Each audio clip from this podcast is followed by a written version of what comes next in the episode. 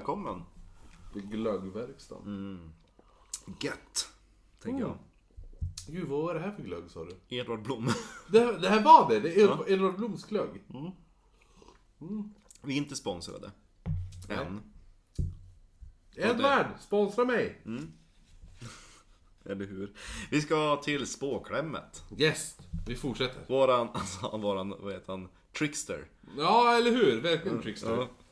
Jävla dryg gubbe. Vad är de kallar den för? Lappgubbe? Lapp, Ja, lappgubbe. Ja. Mm, ja, trollgubb. Spåklämmet dras inför rätta är nästa stycke i historien om spåklämmet. Yes. I min bok Hemsökta Umeå. Som man kan köpa. Nej. Myndigheterna i Degerfors. Degerfors måste jag komma med inflytande. Det finns ju någon Degerfors söderut också. Degerfors det är väl en sån här fotbollstjafs eller någonting. Degernäs. Degernäs är en by söder om Umeå. Ja, ja. Ja, men det finns en Degerfors söderut också. Undrar om Ernst är därifrån. Hur som haver. Deger... Ja. Jaha. Degerfors i alla fall, som vi pratar om här nu. Det var gamla namnet på Vindeln. Okej. Ja. Som ligger längs Umeälven, alltså in, inåt landet. Där Hällnäs sanatorium finns. Mm, exakt. Och i närheten utav Getskalleberget. Yes. Som kanske kommer framöver i podden. Myndigheterna i Degerfors fann slutligen modet att ingripa mot spåklämmet. Man beslutade sig för att dra honom inför rätta på tinget i Umeå. Där skulle han få möta sitt öde. Till allas förvåning så gick spåklämmet med på att föras till Umeå och gjorde heller inget motstånd när man kom för att hämta honom. Snart hade man lappgubben inför rättegång och männen i Degerfors kände sig glada över att slutet för spåklämmet var nära. Säkerligen skulle man döma honom till döden för hans gärningar. Men så lätt visade det sig emellertid inte att vara. Inte för hans, hans andra saker. Vadå för någonting? Döma han till döden för hans gärningar. Ja. Alltså det var ju... Varför dömde ni han till döden för? Nej, det var för hans gärningar. Jaha, okej, då förstår jag. Jag trodde det var för hans icke när han satt och latade sig. Ogärningar. Dömde han till döden? Nej, hans ogärningar. Han satt och latade sig så mycket. Så lätt visade det sig emellertid inte vara. När man skulle förhöra spåklämmet tog han själv till orda. Ett självmord tror du skulle säga. Tog han Han skulle förklara han. Tog han självmord. Jag tänker inte vara med om det ska vara så här orättvist. Nej! Ja. Nej. Eh, när han skulle förhöras eh, När man skulle förhöra spåklämmet tog han själv till orda och hotade domarna Han sa att om inte det skulle släppa honom på direkten skulle han Laga så att det rämna i stycken Han skulle laga. Alltså ja, det var citat Han skulle, citat! Laga Jaha. Alltså Alltså styra över lagen. Eller typ, Ja men, eh, kanske. ja Laga, bestämma. I laga. vissa, Är att- inte det det? Så här, laga är väl bestämma? Jo, Ja. jo, det var ju i något annan källa jag minns, då stod det att han skulle se till, då ska han spå så att de skulle rämna i tur. Det var ju någon form av hotelse. Att spå är ju att man påverkar Jo. framtiden. Men jag tror laga, laga är bestämma tror jag. Mm. Ja. Man visste bättre än att utmana ödet och därför släpptes spåklämmet. Idag skulle vi kalla detta för övergrepp i rättssak. Obviously. Det visade sig dessutom att Klemmet hade gått med på bortförandet bara för att få gratis skjuts till Umeå, där han hade ärenden att utföra. Alltså nu, ja nu är han skön igen. Nu är han riktigt skön igen. Han bara, var ska ni föra mig för detta? Ja, vi tänkte Umeå. Perfekt.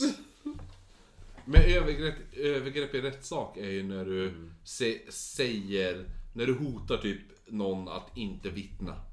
Det är ju övergrepp, övergrepp i rättssak. Ja, alltså, i vissa början så tänker jag bara, har jag skrivit det här? Men så kommer jag på att jag har ju medförfattare. Ja just det. Ja, Så att ibland är det typ såhär, men man, man, gav in, man gav inte upp så här lätt. Man gjorde ett nytt försök att ställa spåklämmet inför tinget och den här gången tog man i med hårdhandskarna. Flera starka män band trollgubben med våld och slängde upp honom på en vagn där man ytterligare fjättrade honom. Sedan bar det iväg mot Umeå. ja fjättra, ja, eh, binder fast typ. Ja, precis. Eh, resan gick väl, men ungefär halvvägs upptäckte männen att deras kläder plötsligt hade blivit kletiga. Ja, oh, kletiga också. Jajamän. Mitt hatord. Ja, Ja, jag, det står faktiskt, jag har blivit kletiga utav någonting. Jag trodde det skulle vara deras kläder hade ramlat av eller var nakna. Deras kläder plötsligt blivit kletiga av någonting som liknade deg. De förstod genast att det var spåklämmet som försökte spå någon djävulskap över dem. Kletdegs. Eller hur? Spåklämmet hade kunnat vara med hela Ja, Sverige bakom. vad gjorde du? Först, lyckades du ta dig loss? Nej. Men kunde du inte det? Jo, jag kunde, men jag valde en annan grej. Vadå?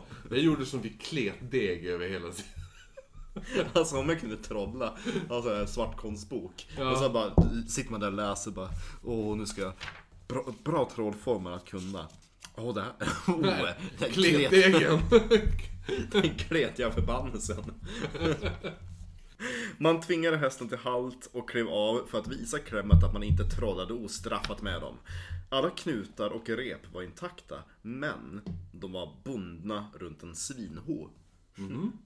Spåklämmet hade han smet. Så brukar jag säga på spökvandringen. Det står inte i boken men jag tyckte det var lite kul ordvits. Spåklämmet Ja, smet. Ja. Nej, det står att eh, spåklämmet hade överlistat sina fiender ännu en gång. Nästa stycke. Spåklämmets död. Åh nej! Alla kommer ju dö så småningom. Allt eftersom åren gick flammade upp ett nytt krig mellan Sverige och Ryssland. Alltid dessa ryssar. Karl Tiger tvingades lämna sin fru Anna och deras barn för att tjäna sitt fosterland. En tragedi inträffade. Tiger dog i följderna av kriget och återsåg aldrig sin familj igen. Nu, när den enda mannen som kunde hålla spåklämmet i schack var död, blev trollgubben ännu värre. Alltså gud. Han, satan vad jobbig han måste vara. Mm. En dag kom han berusad och arg hem till Tigerstorp i Tegsnäset. Hello everybody, I'm singing a song. Anna, alltså Karl Tigers änka, stod då i köket och stötte korn när hon fann spåklämmet på tröskeln. Han höll en lång kniv i handen och anklagade henne Kuk i handen. och anklagade henne för att ha stulit pengar från honom och nu vill han ha igen det i form utav brännvin. Såklart! Ja. Pengar, Fan. pengar, brännvin. Mm, ja. Det tänker jag. jag. Man bara, har du några pengar? Nej. Har du sprit? Ja, då tar jag det. Om inte skulle han hugga ihjäl henne. Mm, ja. Det här med stölder var givetvis inte sant. Ja, jo. Det här med stölden var givetvis inte sant. För Anna hade alltid behandlat Klemmet väl, trots att han var som han var. Ganska milt uttryckt. Medan de båda stod där och grälade kom den äldsta dottern till tigern och Anna till tigern. Den är alltså dottern till tigern. Medan de båda stod där och grälade kom den äldsta dottern till Tiger och Anna in i rummet. Väckt utav bråket. När hon fick se spåklämmet med kniven sprang hon genast fram för att hjälpa sin mor. Med förenade krafter lyckades de båda fösa ut trollgubben med en stol och låsa dörren. Klemmet stod kvar där ute för en stund och gormade efter sitt brännvin. Men Anna förkunnade bestämt att här fanns ingenting för honom att hämta. Slutligen blev det tyst. Alltså vilket jävla... Alltså gud. Alltså fyllgubbe bryter sig in med en kniv och bara Jag ska ha sprit! Jag ska ha... Och så bara men, ut härifrån! Han är Lasse Kongo för fan! Anna och hennes dotter kände lugnet över att ha blivit av med bråkmakaren. Eh, Lasse Kongo. Det var då de hörde fönstret krossas. De sprang in i köket och såg hur spåklämmet sträckte sig in i rummet genom det sönderslagna fönstret. Jag ska ha lite sprit här, jävla satan. Med kniven i högsta hugg. Alldeles intill låg Annas minstingar, de två små pojkarna, och sov i kökssoffan. Spåklämmet hötte med vapnet mot dem och sa att, att om hon inte skulle komma ut med spriten skulle han dräpa barnen. Ja, om du inte kommer ut med sprit ska jag jävla slå ihjäl ungen jävla. Så kom ut med spriten säger jag. Precis så lät han. Det är nu Frida ska ha sagt usch! Låt inte så! Förskräckt lovade Anna att komma ut varpå Klemmet avlägsnade sig från fönstret. Änkan Tiger tog mod till sig, greppade sin kornstamp och gick ut för att konfrontera spåklämmet. Där ute på tomten väntade trollgubben på henne. När han fick se att hon inte hade med sig någon flaska eh, flammade hans vrede upp på nytt och han gick emot henne. Nu ska jag döda dig och sen ska jag dräpa dina barn ett efter ett. Så röt han och höjde kniven. Mm. Och, och höjde kniven för att hugga. Men, men. Men. När han kom inom räckhåll slog Anna kornstampen i tinningen på spåklämmet med en överraskande snabbhet. Slaget tog väl och trollgubben sjönk ihop till en livlös hög framför hennes fötter. Han är ju ändå, som sagt, Mm. det är väldigt upp och ner med den här gubben. För att ibland tycker man han är superskön. Man bara, gud jävla nice, han är ju bäst. Han är ju så Han bara, jag, han bara, jag åker till rätten, men Ja. bara för att jag har äran Ja eller hur? stan." Man bara, fan, fan badass liksom. Sen Man bara, hade en dålig dag. sen bara, jag ska döda barn. Så man bara, ja, Klemmet. Vad gör du? Lugna dig. Jag ska döda jävla jävla släp Kan du, inte bara gå till affären och köpa lite sprit? Ja, så hon bara, "Åh, min man är inte här, jag är ensam med mina barn. Han bara, Ge mig sprit. Jag har ingen sprit ens! Då dödar jag barnen. Medveten, alltså Anna var medveten, om att spåklämmet spott så att inga världsliga ting kunde skada honom så trodde Anna att klämmet snart skulle vakna till liv igen. Så hon tog därför ifrån honom kniven och rusade iväg till grannen för att hämta hjälp. När Anna kom tillbaka fann de spåklämmet som Anna hade lämnat honom. Grannen böjde sig ner och undersökte honom och konstaterade snabbt att spåklämmet var död. nej. Orden som kom som en chock för Anna För Klemmet. eller, Va? är jag död? eh, när orden kom som en chock för Anna. Efter alla duster och slagsmål som Klemmet och hennes man hade haft. Så hade ju ingenting kunnat skada lappgubben och nu låg han där död. Det visade sig att spåklämmet hade missat kornstampen när han gick runt och fick alla ting att svära på att inte skada honom.